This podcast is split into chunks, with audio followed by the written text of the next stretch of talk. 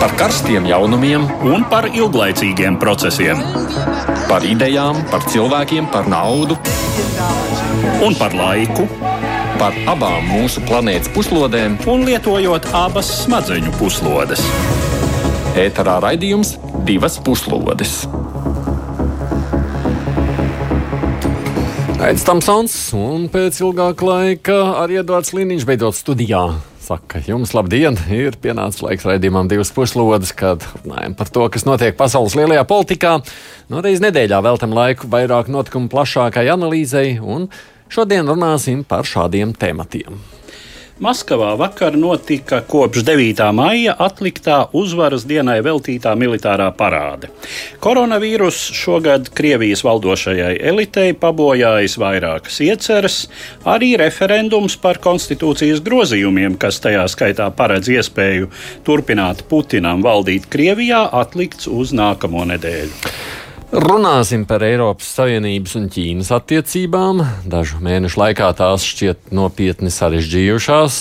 Savu ārtavi devusi gan pandēmija, gan notiekošais Hongkongā. Ir arī citi iemesli, kādēļ Eiropā uz Ķīnu raugās arvien bažīgāk un Amerikas Savienotajās valstīs savukārt radies vēl viens pamats visādos aspektos locīt prezidenta Donalda Trumpa vārdu. Viņam nav izdevies apturēt bijušā padomnieka Boltona grāmatas izdošanu, un lasītājiem ir radusies iespēja uzzināt interesantas Baltā nama politikas aizkulises. Nu, šādi interesanti temati būs mūsu uzmanības lokā šajā stundā, un ierast arī sākumā dažas īsākas ziņas.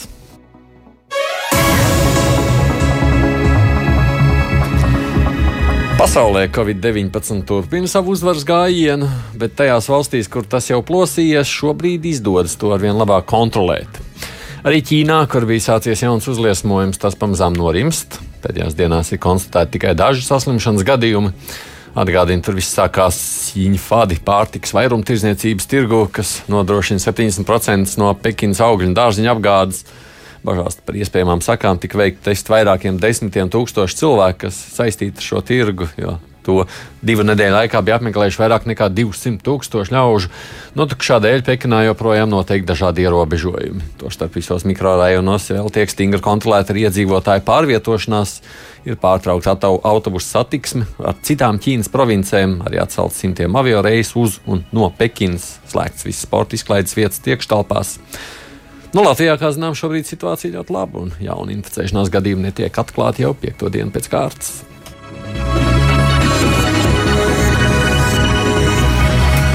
Kirgistānas tiesa otrdien piespriedusi bijušajam valsts prezidentam Almas Bekam Atambaivam 11 gadu cietumsodu.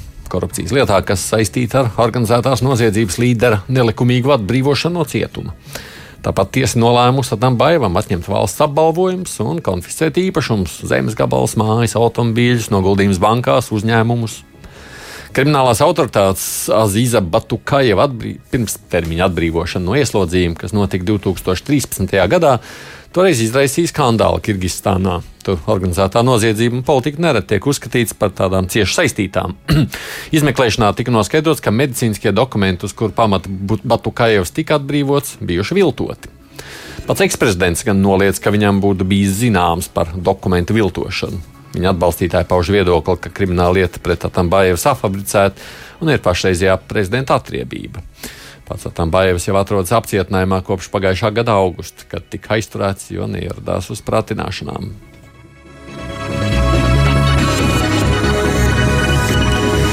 Jaunas metodas tiek liktas lietā pirmsvēlēšana cīņā ASV, kur pret Trumpu noskaņotie vēlētāji sabojājuši prezidenta tikšanos ar vēlētājiem. Nedēļas nogalē Trumps ieradās Oklahomā un, lai dotos uz tikšanos, iedzīvotājiem bija jārezervē bezmaksas biļetes. Savukārt sociālā tīkla lietotnes TikTok lietotāji izplatīja aicinājumu veikt viltus rezervācijas, bet uz pasākumu neiet, lai samazinātu apmeklētāju skaitu. Rezultātā 19,000 vietu liela auditorija tiešām bija vairāk nekā pustukša. Trumps pats pirms mītīņa apgalvoja, ka biļetēm pieteicies gandrīz miljons cilvēku, bet nu, video un fotografijas no mītīņa liecināja, ka tūkstošiem vietu arēnā palikušas tukšas. Tālsas ugunsdzēsības dienas žurnālam Forbes atklāja, ka mītīņu apmeklējuši 6200 tikai cilvēku. Tiesa, Trumpa pārvēlēšanas kampaņa negrib atzīt, ka pie vainas ir sociālo mediju kampaņa, pārmetusi medijiem un protestētājiem, ka tie ir atrunājuši cilvēkus no mītīņa apmeklēšanas. Turklāt arī apgalvo, ka īstenībā apmeklētāji esot bijis tomēr vairāk.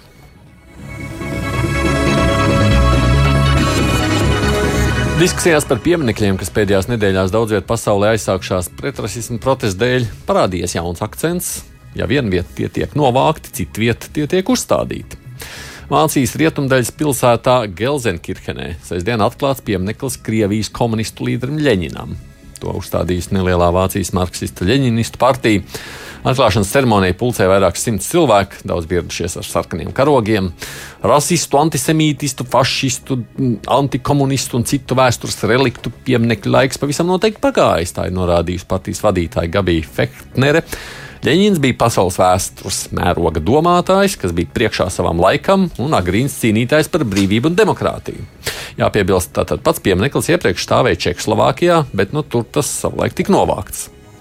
Tiesa arī Gelsenkirchenē ne visi par jauno pieminiektu priecājas. Tur bija centiens ar tiesu apturēt pieminiektu uzstādīšanu, bet nu, tiesa prasību noraidīja.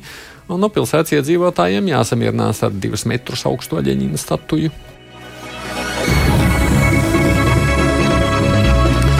Vēl kāda interesanta ziņa no Lielbritānijas. Tur netālu no Stonehenge zem zemes atklāts šahtas, kas veido apli, kuru diametrs vairāk nekā 2 km. Tā pirmdien paziņojuši arheologi pažot cerību, ka šis atradums varētu palīdzēt atklāt Stonehenge izcelsmi. Atklāts vismaz 20 šahtas, kur diametrs ir vairāk nekā 10 metri un dziļums 5 metri. Tas atrasts pie tā dēvētajām Darringtonas sienām, aptuveni 2 km no Stonehenges. Arheologi uzskata, ka šahtas varētu būt izrakts pirms aptuveni 4,5 tūkstošu gadiem. Sentendru Universitātes zemes un vidus zinātņu skolas pētnieks Ričards Beits sacīja, ka šahts atklāts ar attālās izpētes un paraugu ņemšanas metodēm un sniedz ieskats pagātnes sabiedrībā, kas ir bijusi daudz sarežģītāka nekā domāts. Jāpiebilst, ka par Stonehenge un tā līdzīgo megalītisko būvju celtniecības mērķiem un izmantošanu joprojām notiek diskusijas. Uzskata, ka milzīgs akmeņa apels tika uzbūvēts pirms aptuveni 4000 gadiem, bet nav tāda vienota viedokļa, vai tas ir bijis templis, apbedīšanas vieta, astronomisko novērojumu vieta vai kalpojis kādiem citiem garīgiem vai laicīgiem mērķiem.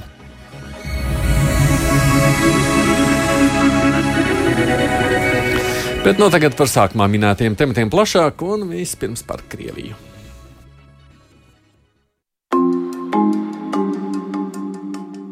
Šogad aprit 75 gadi kopš otrā pasaules kara beigām.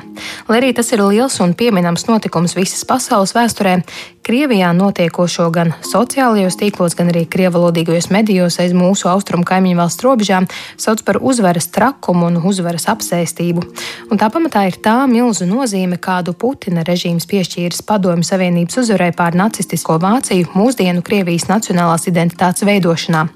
Šī uzvara tiek pozicionēta kā nācijas dižākais sasniegums visjaunāko laiku vēsturē, ignorējot staļinistiskās politikas lomu kara izraisīšanā un līdzvainu grandiozajos sarkanās armijas un padomju civiliedzīvotāju upuros, notušējot citu padomju savienības tautu un rietumu sabiedroto nozīmi šīs uzvaras izcīnīšanā, attaisnojot padomju agresīvo ārpolitiku kā kara sākuma posmā, tā noslēguma periodā. Tā kā šogad šai uzvarai ir liela jubileja, uzvaras parādē Maskavā bija jākļūst par šo urā patriotismu motīvu apogēju, kurai nepārprotami ieplānota būtiska vieta arī prezidenta Putina izvērstajā kampaņā par grozījumiem Krievijas federācijas konstitūcijā, kas viņam ļautu ieņemt augstāko amatu valstī vēl divus termiņus. Taču koronavīrusa pandēmija lika mainīt plānus, atceļot pasākumus tradicionālajā datumā, 9. maijā. Kādu laiku cirkulēja informācija par parādes pārcelšanu uz otrā pasaules kara beigu datumu, 2. septembri, taču tad tika paziņots, ka tā notiks 24. jūnijā, dienā, kad uzvaras parāde Maskavas sarkanajā laukumā tika sarīkota 1945. gadā. Tā gan notika bez publikas klātbūtnes, taču, kā atzīmē novērotāji, tribīnē prezidents Putins stāvēja uz plecu pie pleca ar 90-gadīgajiem kara veterāniem, no kuriem tikai ratajam esot bijusi sejas maska. Tāpat policija nav kavējusi ļaužu drūzmēšanos ielās, lai pavērotu un nofotografētu bruņu tehniku, kas pārvietojās sarkanā laukuma virzienā. Pie tam Maskavā šobrīd atcelti praktiski visi aktivitāšu aizliegumi, saglabājot viens sejas aizsagu valkāšanas un sociālās distancēšanās prasību. Tikām inficēšanās rādītāji Krievijā un arī tās galvaspilsētā kaut noplakuši, salīdzinot ar situāciju dažas nedēļas iepriekš, joprojām saglabājas visai augsti. Savukārt no Dagestānas autonomās republikas Krievijas dienvidos pirms dažām dienām pienākušas ziņas par spēju pandēmijas uzliesmojumu. Uz šī fona visai problemātiski izskatās šodien iesākusies nedēļa ilgā nobalsošana par minētajiem konstitūcijas grozījumiem. Raidsabiedrība BBC citēja infektoloģiju Viktoriju Doņievu no Orlas pilsētas, kas atrodas 325 km uz dienvidu austrumiem no Maskavas, sakām intervijā vietējai avīzē, kas grib balsot, lai balso, bet brīvu gultu slimnīcās mums vairs nav. Telefoniski šobrīd mūsu raidījumam pievienojas divi Latvijas universitātes mācību spēki - politikas zinātnes nodaļas pasniedzējs Sigits Truberga. Labdien! Labdien! Hm. Un asociētais profesors Dauns Hauvers arī sveicināti. Sveiki! Man interesē, kā jūs raksturot to noskaņojumu, kas šobrīd valda Krievijā. Strunbergs kundze, sāksim ar jums. Uh, nu šeit es gribētu dalīt divās daļās tādā gadījumā. Pirmais ir tā, tas patriotisms, par ko tika runāts arī ievaddaļā. Un faktiski pie tā daudzus gadus ir strādāts, lai, lai šie 9. maija svinības vai svētki tiktu, varētu tikt izmantoti par tādu patriotisma sentimentu palaišanas mehānismu.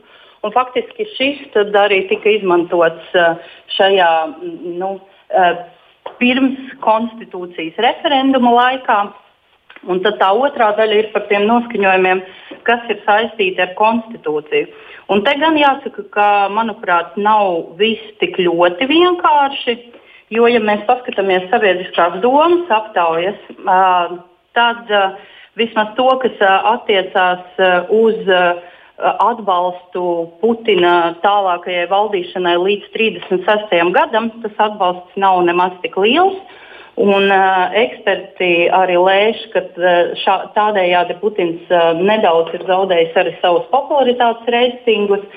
Savukārt jāsaka, ka tas piedāvājums, uh, kas nāca no režīma puses par, uh, um, par tādām sociālajām un ekonomiskajām garantijām cilvēkiem, uh, rezultātā varētu kļūt par to apmaiņas kārti, kāpēc cilvēki tomēr uh, vairāk slēgsies balsot par šīm konstitūcijas izmaiņām. Turklāt jāsaka, ka kopumā Krievijas sabiedrībā mm, bija šī sajūta, ka, ka konstitūcija ir jāmaina.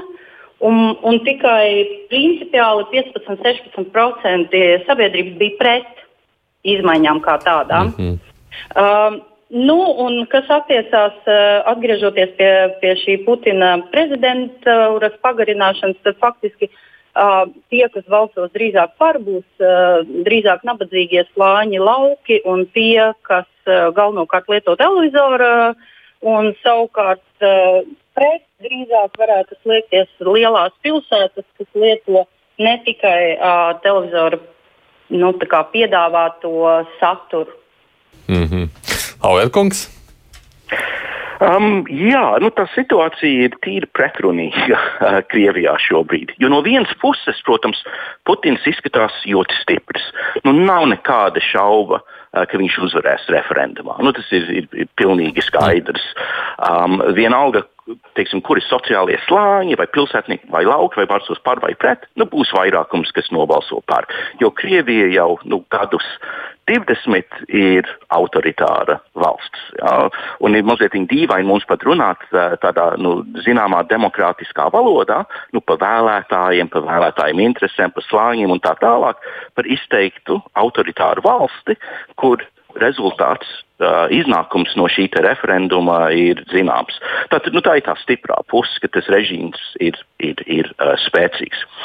Bet no otras puses, kā Sigita jau norādīja, um, ir interesanti, ka uh, papildus tiem grozījumiem konstitūcijā, kas stiprina uh, varu, proti nu, pagarina uh, termiņu uh, Putinam, uh, nu, proti, ka viņš drīkst kandidēt atkal līdz pat uh, 36. gada. Uh, arī nu, prezidentam tagad būs iespēja nominēt tiesnešu un prokuratūras, uh, kas vēl vairāk, protams, centralizēs varu.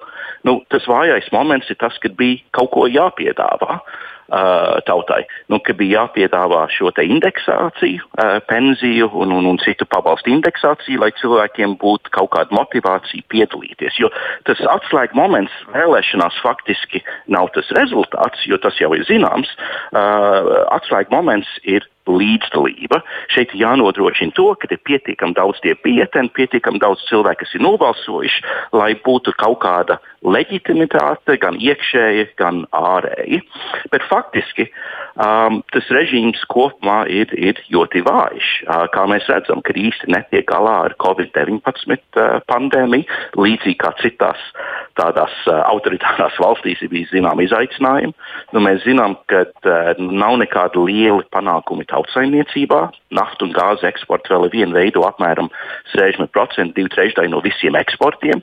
Nu, nav neviena tāda izteikta kaut kāda prece uh, vai pat pakalpojums, par ko Krievija varētu lepoties. Tāpēc nu, tā situācija ir, ir tāda dīvaina. Un, acīm redzot, Putins izjūta vajadzību vēl vairāk centralizēt un stiprināt savu varu, ņemot vērā, ka šie pamati ir tīri vāji. Skatoties tā Krievijas televīzijas tos ainas, nu var redzēt, tur tiešām tā cīņa šobrīd par to nākšanu uz, uz, uz tiem iecirkņiem. Tur tiem valsts iestādēs strādājošiem pat ir jāskanē jā. kods un jāuzrāda, ka jūs esat piedalījies. Tur ārsts saka, un pedagogi saka, ka viņiem tur ir ļoti uzbāzīgi no vadības tiek saņemti norādījumi, ka nedrīkst nepiedalīties un tam līdzīgi, Edvard. Jā, jo nu, šajā ziņā tā koronavīrusa situācija Nu, tas ir reāls drauds. Tas, eh, te nav runa par tavu attieksmi vai izjūtu vai to, ka teiksim, mēs reizēm arī ironizējam mūsu vēlēšanu sakarā, ja būs labs laiks, vai teiksim, labi padavušās sēnes mežā, tad uz vēlēšanām var arī neatnākt daži labi procenti neapzinīgāku pilsoņu. Nu, šajā brīdī iešana uz vēlēšanu iecirkni ir reāls risks. Lai gan infektuologi jau saka, ka tā pašiem tiem gājējiem. Nu, tiem, kas tur strādās, tiem tas tiešām varētu būt risks. Tāpēc tur jau vairāk simti jau ir sacījuši, ka viņi neriskēs ar savu dzīvību, neies uz darbu. Jā. Bet tiem jau, kas nāk, nu, iespējams, jau tikpat cik uz veikalu. Nu, bet katrā risks. ziņā, katrā ziņā tas ir viens um, nopietns kritikas moments, ka mm, šo referendumu neatliek, kā ir šis uh, varas un, nu, pirmkārt, prezidenta Putina spiediens, lai tas notiktu.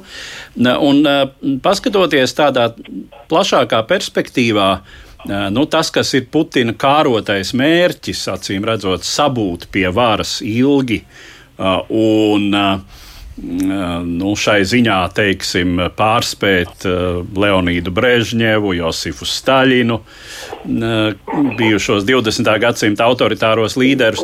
Tas ir arī šī plāna vājais punkts, jeb tas nūjas otrs gals. Jo Krievijas sabiedrība tomēr vēl samērā labi atceras, ko nozīmē veci, drebelīgi, gausi domājoši līderi, uh, Nu, mēs ar tevi arī atceramies Brežņevu, jau būdam diezgan apzinīgā vecumā. Brežņevu, nu, vēl jau Putins viņ... nav, vēl jau viņš tāds nav. Nu, vēl, nu, vēl nav, nav, jā, arī Brežņevs ap 60. 9. un 70. gadu vēl bija gana sprauns un pat vēl varētu teikt izskatīgs vīrietis. Ja? Bet kāds viņš bija desmit gadus vēlāk, nu, to mēs arī zinām. Ja? Vecums nenāk viens. Uh, un, uh, nu, tas ir tas, uh, tas, ko tomēr es domāju, daudzi Krievijā varētu arī nevēlēties. Jo šī vara ir neefektīva, šī vara kļūst riskanta. Nu, un tad ir vēl viss tas slānis, par kuru, nu, teiksim tā, ja, um, ja paklausās šo un to, kas izskan. Krievijas sociālajos tīklos, interneta tādās uh, um, nu, teiksim, amatieru televīzijas pārraidēs un tam līdzīgi.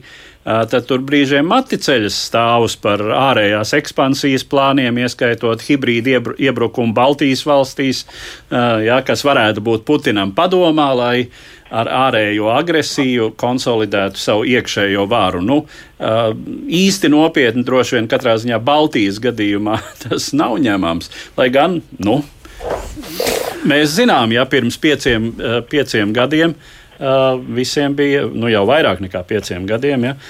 Visiem šķita, ka kaut kas tāds kā Krimas aneksija ir pilnīgi neiespējams. Jā, bet atceramies, ka bija iepriekšējās vēlēšanas. Toreiz jau uh, tomēr tā mierīgi tas Maskavā un īpaši un Pēterburgā nepagāja. Nu, šīs gan nav vēlēšanas. Kā jūs domājat, Trubergs kundze, ir paredzams kaut kādas tādas sociālas nezinu, nemieru aktivitātes lielākas? Es neesmu pārliecināta par lielāku tādu sociālo nemieru aktivitāti, bet to, ko mēs redzam šobrīd, ka atkārtojas uh, tas scenārijs, kā režīms ir ticis galā ar dažādām balsošanām. Faktiski jau šobrīd tiek runāts par to, ka atsevišķos Maskavas tātad, nu, re, reģionos jā, vai iecirkņos ir vairāk balsotāju, nu, to reģistrāciju nekā uh, online mm -hmm. nekā reāli mm -hmm. vēlētāju, vai arī uh, faktiski uh, ir para, žurnālists jau ir pierādījis, ka viņam ir izdevies divreiz nobalsot. Uh, tātad būtībā mēs redzēsim ļoti līdzīgu, neapšaubāmā rezultāta garantēšanu ar dažādiem līdzekļiem. Tas gan noteikti būs. Un turklāt jāatcerās vēl viena lieta, ko es aizmirsu pateikt, ka faktiski režīms jau ir diezgan daudz izmantojis uh, līdzās jau nosauktajam, jā, tātad šim piedāvājumam sociālo-ekonomiskajam, arī dažādas, uh, nu, ziniet, uh, bubuļu uh, piedāvāšanas kampaņas, piemēram, uh, kādā brīdī internetā ārēs uh, parādījās video, kur tika biedēts, ka ja konstitūcijas izmaiņas netiks uh, pieņemtas, tad 2035. gadā vienzimuma pāri varēs adoptēt bērnu. Kas konservatīvi noskaņotajiem, uh, nu, kuru, kuru ir liela daļa Krievijas sabiedrības, protams, var ši, šķist reāls biedrs. Tā ka rezultātā es domāju, ka drīzāk būs, būs šāda veida joprojām arī šajās dienās, par cik mums ir paredzēta nedēļa, uh, um, balsošanai, tad mēs redzēsim dažāda veida spiedienus un manipulācijas drīzāk no režīma puses. Tā skaitā visticamāk arī uh, dažādas represijas pret uh, citādi domājošiem. Mm. Kā jūs domājat, Auverkungs, izdosies Putinam laimīgi valdīt līdz 2038. gadam?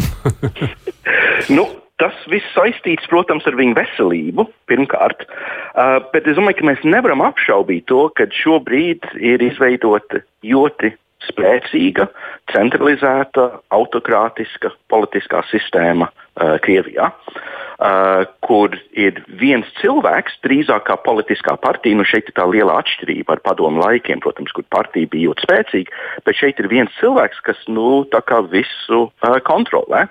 Un es domāju, ka tie cilvēki ap viņu arī šito apjēdzās. Ka, nu, tādā autoritārā sistēmā, kur partija ir spēcīgāka par līderu, tad ir tāda zināmā pēcticība un ir lielāka iespēja kā, nu, izdzīvot. Uh, bet sistēmā, kur vara ir centralizēta uz vienu cilvēku un tā izteikti uz vienu cilvēku, nu, tā sistēma ir daudz, daudz uh, trauslāka. tā, tā tad uh, mēs varētu faktiski teikt, ka kad, kad, kad Krievijas uh, teiksim, nākotne uh, ir ļoti tuvi saistīta ar uh, Vladimira Putina uh, veselību. Jo, ja viņam radītos kādas veselības problēmas, nu, tad arī visa um, šī varas sistēma būtu zem liela jautājuma zīmes. Pabeidzot šo tematu, ko saka Edvards par perspektīvu. Nu, es varu tikai piekrist Auerkungam. Tas uh, pirmkārt ir atkarīgs no prezidenta Putina fizioloģiskā stāvokļa. Uh, nu, un, teiksim, iespējamiem vēl agresīvākiem vīrusiem, kas var parādīties mūsu realitātē. Kas to zina? Nu, nevelti runā, ka līdz šī, šim iznācienam parādē Putins vispār ļoti ilgu laiku uh, pamatā pavadīja savas dienas, tagad šos mēnešus slēgtā bunkurā. Uh, kur viņam koronavīruss nevarēja tikt klāt. Uh, bet, nu, tur jau, tur jau ir tā problēma, ka šādās, šādas sistēmas tās ir trauslas un tās ir arī nu, teiksim, tā arhaiskas.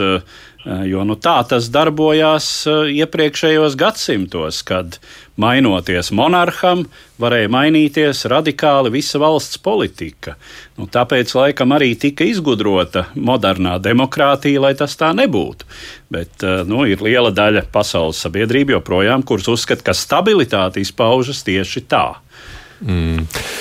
Labi, mēs turpināsim par citu tēmu, par kādu valsti, kur arī par demokrātiju nu nevarēsim runāt tādā aspektā, bet par Eiropas Savienības un Ķīnas attiecībām.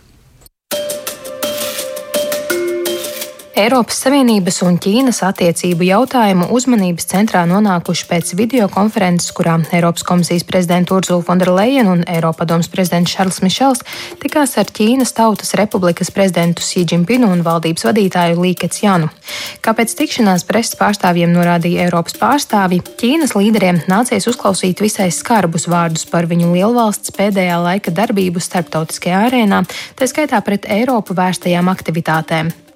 Fonderleina informēja, ka Ķīnas pusē uzrādīti konkrēti skaitļi un fakti par kiberuzbrukumiem slimnīcu datorsistēmām un mērķiecīgu dezinformācijas izplatīšanu koronavīrus pandēmijas sakarā. Otrs attiecības pasliktinošais faktors ir Pekinas valdības pēdējā laika rīcība Hongkongā, mēģinot uzspiestai jaunu drošības likumu, kas būtiski palielinās Ķīnas iestāžu rīcības brīvību autonomijā. Šāds Pekinas solis ir pretrunā ar saistībām, kuras tā uzņēmās Hongkongas tiesiskās un politiskās autonomijas ievērošanai, kad šī bijusī Britu kolonija 1997. gadā tika inkorporēta Ķīnas Tautas Republikas sastāvā. Visi šie motīvi tikai vēlreiz apliecina, ka pandēmijas situācija nozīmīgi izgaismojas Ķīnas centienus dažādiem līdzekļiem palielināt savu ietekmi pasaulē, tā skaitā Eiropas Savienībai tuvos reģionos un pašas Savienības iekšienē.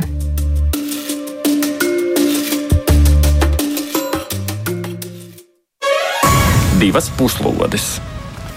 Vai man tikai šķiet, vai ir tā, ka tagad, nu tieši tagad, pēdējo to mēnešu laikā Ķīna Eiropā parādās ar vien tādā neglaimojošākā gaismā, vismaz iepriekš par ko tā skaļi nerunāja. Nav tā, Auerkungs?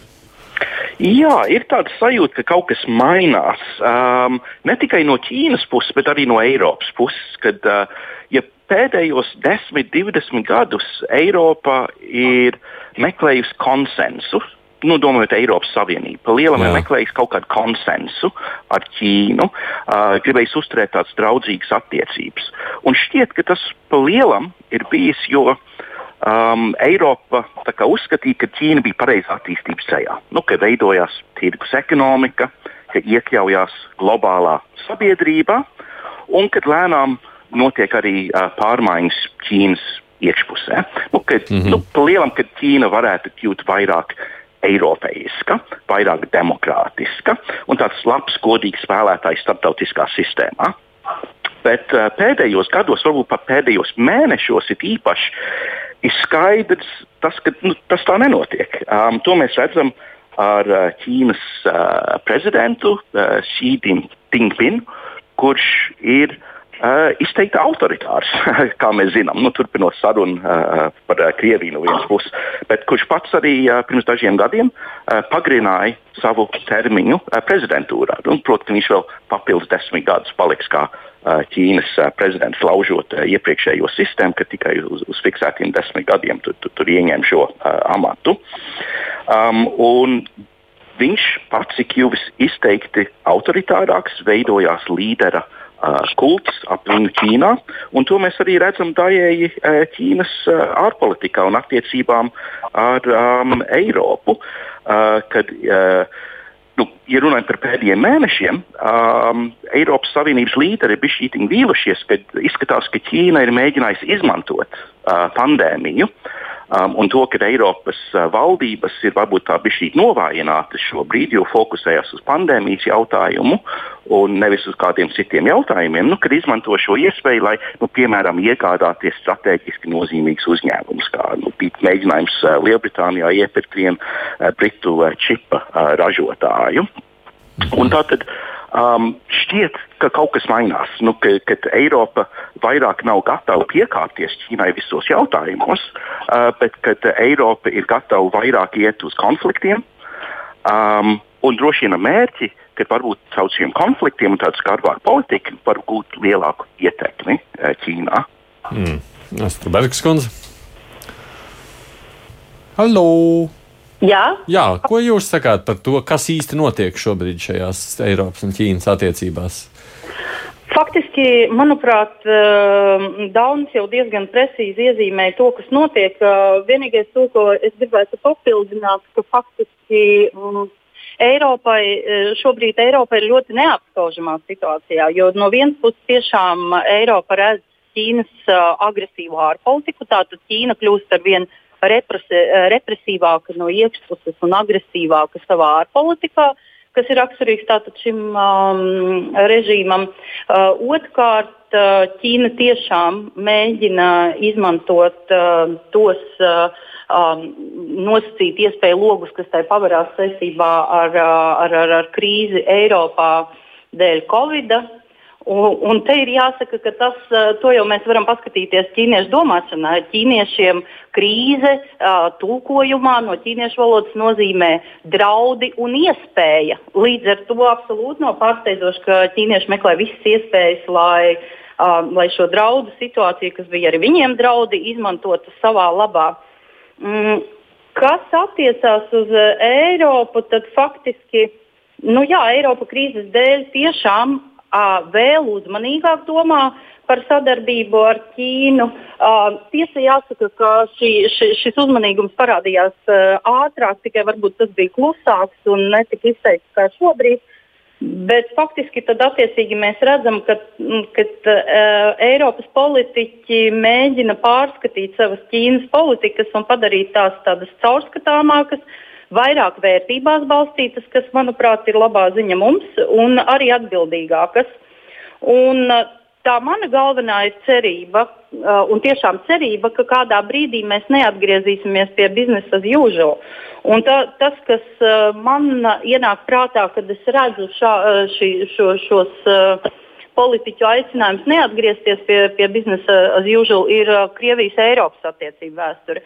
Arī tad, ja atcerieties, uh, mēs ik pa brīdim runājam par to, ka vajadzētu Eiropai diversificēt piegāžu ķēdes un tam līdzīgi, bet faktiski visas diversifikācijas un tam līdzīgi ir beigušās uh, drīzāk ar uh, nu, tādu um, Krievijas piegāžu dažādošanu uh, un nevis uh, patiešām uh, atkarības no Krievijas mazināšanu. Un es baidos, ka ar Ķīnu kādā brīdī varētu būt līdzīgi. Turklāt ir jāņem vērā, ka Eiropas Savienība ir starptautiskais spiediens, tā skaitā spiediens no ASV, kur, kuras priekšgalā joprojām ir ļoti neparedzamais Trumps.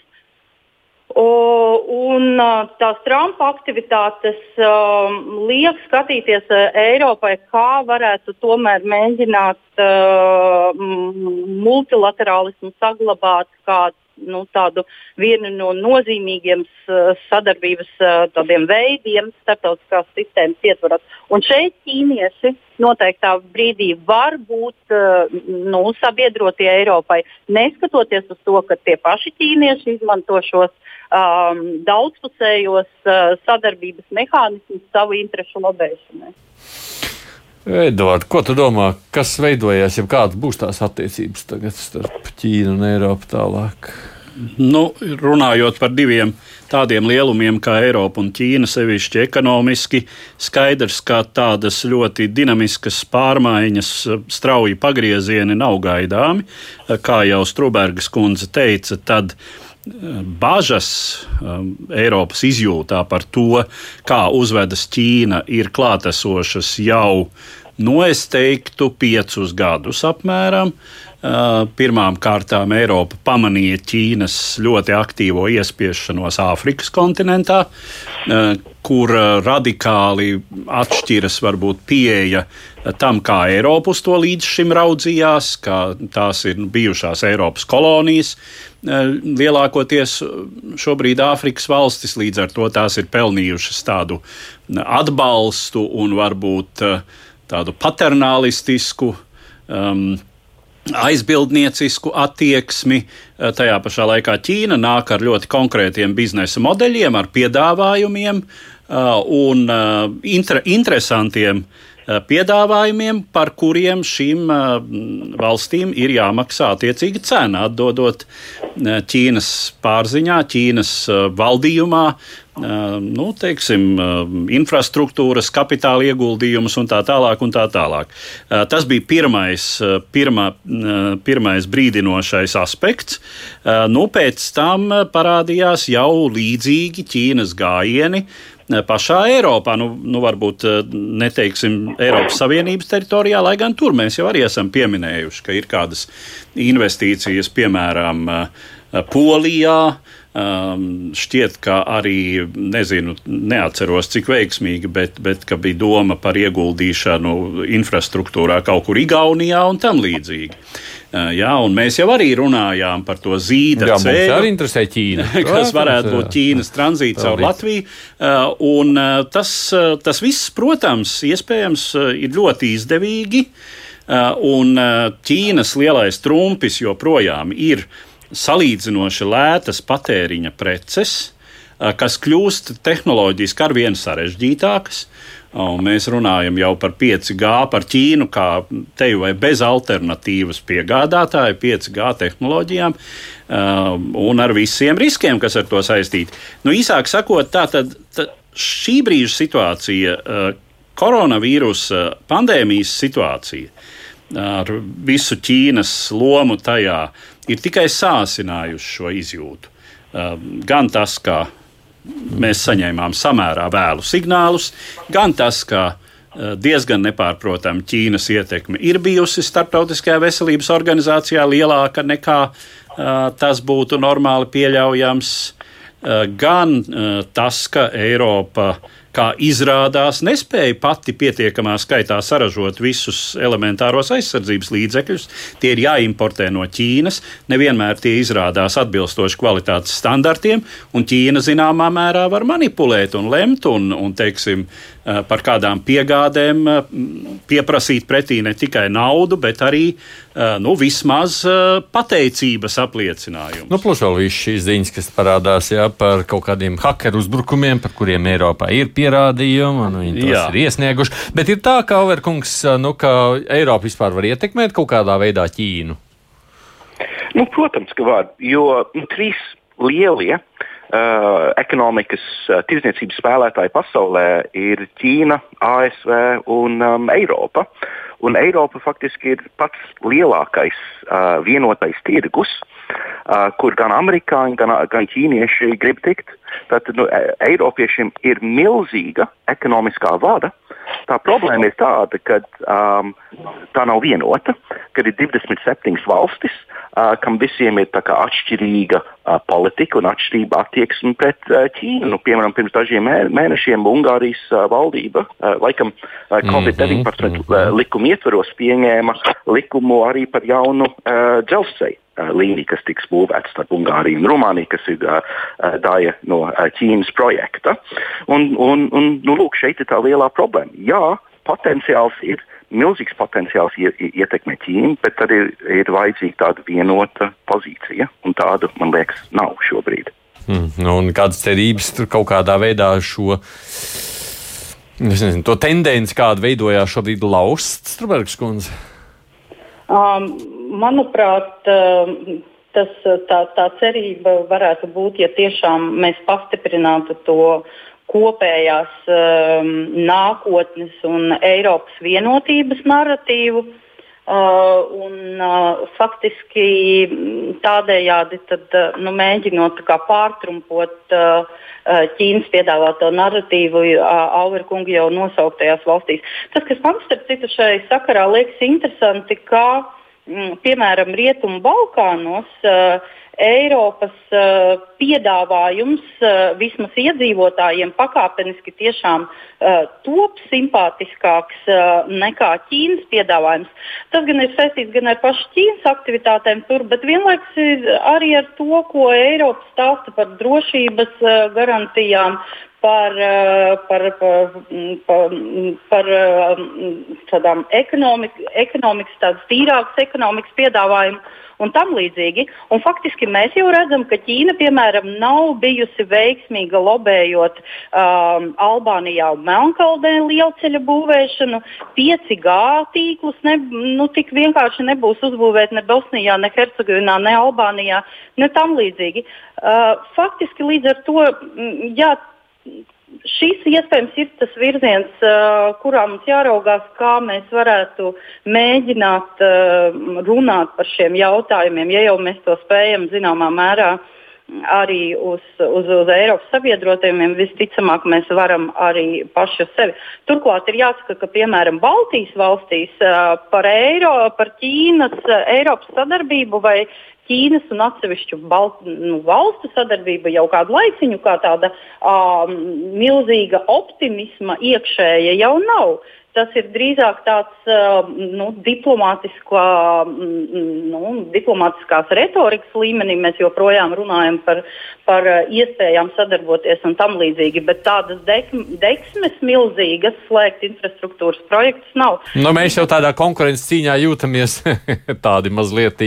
Nu, kāds, ko mēs tur varam? Nu, Jā, bet teiksim, tāpat Igaunija nekad nav bijusi savā retorikā milzīgi karsta. Uh, iet Ķīnas apskāvienos. Ja? Tāpēc tas, tas ir tā. Mhm. Un cerams, ka šis, e, šis e, uzmanīgais diskurss varētu sākt arī um, nu, prevelēt uh, citur Eiropā. Līdz ar to tās galvenās mācības stundas, ko vajadzētu ņemt vērā, būtu nu, tās iekšējās. Uh, um, izturētspējas stiprināšana, tā, tā skaitā informācijas laukā, tādējādi stiprinot to uzmanīgumu. Uh, un arī uh, nu, stiprinot to vienotību. Mm -hmm. Apzinoties, ka nekur jau mēs no rietumu bloka īsti beigt prom nevaram, ne, ne, ja vien gribam paši izdzīvot. Mums ir vēl viens interesants temats, kuram gribam šodien pieskarties, un tāpēc turpinām tādu vispirms ar ierakstu. Jurists un diplomāts Džons Boltons kļuva par ASV prezidenta Donalda Trumpa padomnieku nacionālās drošības jautājumos 2018. gada aprīlī, nomainot šajā amatā Trumpa atlaisto ģenerāli Herbertu Makmāsteru. Boltons amatu atstāja 2019. gada septembrī, pie kam prezidents savā Twitter kontā izteicās, ka esot paziņojis padomniekam, ka viņa pakalpojumi vairs nav nepieciešami. Savukārt Boltons apgalvoja, ka iesniedz atlūgumu pats. Bijušo padomnieku bija paredzēts uzklausīt Trumpa impeachmenta procesā, un toreiz daudz uzskatīja, ka viņš varētu būt atslēgas liecinieks, taču ierasties uz izvaicāšanu kongresa apakšpalātā viņš atteicās, savukārt viņa izsaukšanu uz senātu bloķēja republikāņu deputāti. Viss iepriekš minētais radīja īpašu interesi par Džona Boltona grāmatu telpa, kurā tas notika, kas veltīta Baltijā namā pavadītajam laikam. Ažiotāžu vēl vairāk uzkurināja prezidenta administrācijas nesekmīgais mēģinājums tiesas ceļā nepieļaut grāmatas klajā laišanu. Tagad, kad darbs ieraudzīs dienas gaismu, presa un analītiķi kāri tver tajā rodamās atklāsmes par Donalda Trumpa priekšstatiem, ieskatiem un zināšanām. Visumā jau darbs tikai nostiprina pašreizējā Savienoto valstu vadītāju kā pavirša, uzskatos nestabilu un galēji subjektīvu individu tēlu, kurš gatavs pakļaut superlielvalsts ārpolitisko kursu savām privātajām interesēm un simpātijām. Autors no jauna apstiprina prezidenta īpašo patiku pret autoritāriem līderiem un vaļībām, kādas prezidents atļāvies individuālās sarunās, piemēram, ar Ķīnas līderi Xi Jinpingu, nodēvējot uiguru ieslodzīšanu internēto personu nometnēs par pareizu soli un apgalvojis, ka Savienoto valstu konstitūciju varētu arī pamainīt, lai ļautu Trumpam ieņemt prezidenta amatu vairāk nekā divus termiņus. Runājot par Trumpa attiecībām ar Krievijas prezidentu, svētdien intervijā telesabiedrībai ABC Boltons sacīja: Es domāju, ka Putins domā, ka viņš spēlē Trumpu kā stabuli. Te ir šokējošas ir grāmatā atklātās detaļas par prezidenta izteikumiem 2018. gada NATO samita laikā. Proti, Trumps esot bijis apņēmības pilns pārtraukt Savienoto valstu darbību Ziemeļatlantijas līguma organizācijā. Atgādījumi pie tālruņa klausulas redzījumā piedalījās divi Latvijas universitātes mācību spēki, Sigits Trubergs un Dauns Auvers. Studijā šeit esam mēs, Edvards Liniņš, Aits Tomsons. Pirksiet, uh, Auverkungs, šo grāmatu lasīsiet? Um, es labprāt viņu lasīšu. Es esmu izlasījis arī Uh, Visas iepriekšējās līdzīgās grāmatas par uh, Trumpa. Ne, šī jau nav, šī nav, nepavisam nav pirmā, vai ne? šī tā nav pirmā. Un, ja godīgi, grāmatā arī nav nekas jauns. Nu viens nodaļas nosaukums ir haoss kā dzīves stils. Šķiet, ka Maikla Wolfa grāmatā vismaz vienā bija arī nodaļa ļoti līdzīga nosaukuma un arī ar ļoti līdzīgu stāstu.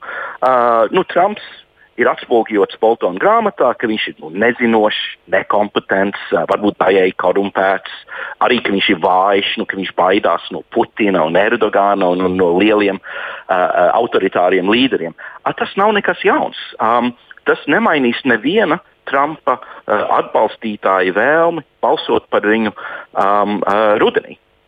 Jo Trumpa atbalstītāji pirmkārt īsti netica šai kritikai. Un daļēji, jo tie, kas ir pie varas šobrīd, nu, valsts sekretārs, padomdevēji un tā tālāk, visi apgalvo kā viens, ka tā nav patiesība un, un, un ka būtībā kaut kas cits ir noticis. Tātad, pirmkārt, viņi vienkārši netic šai kritikai.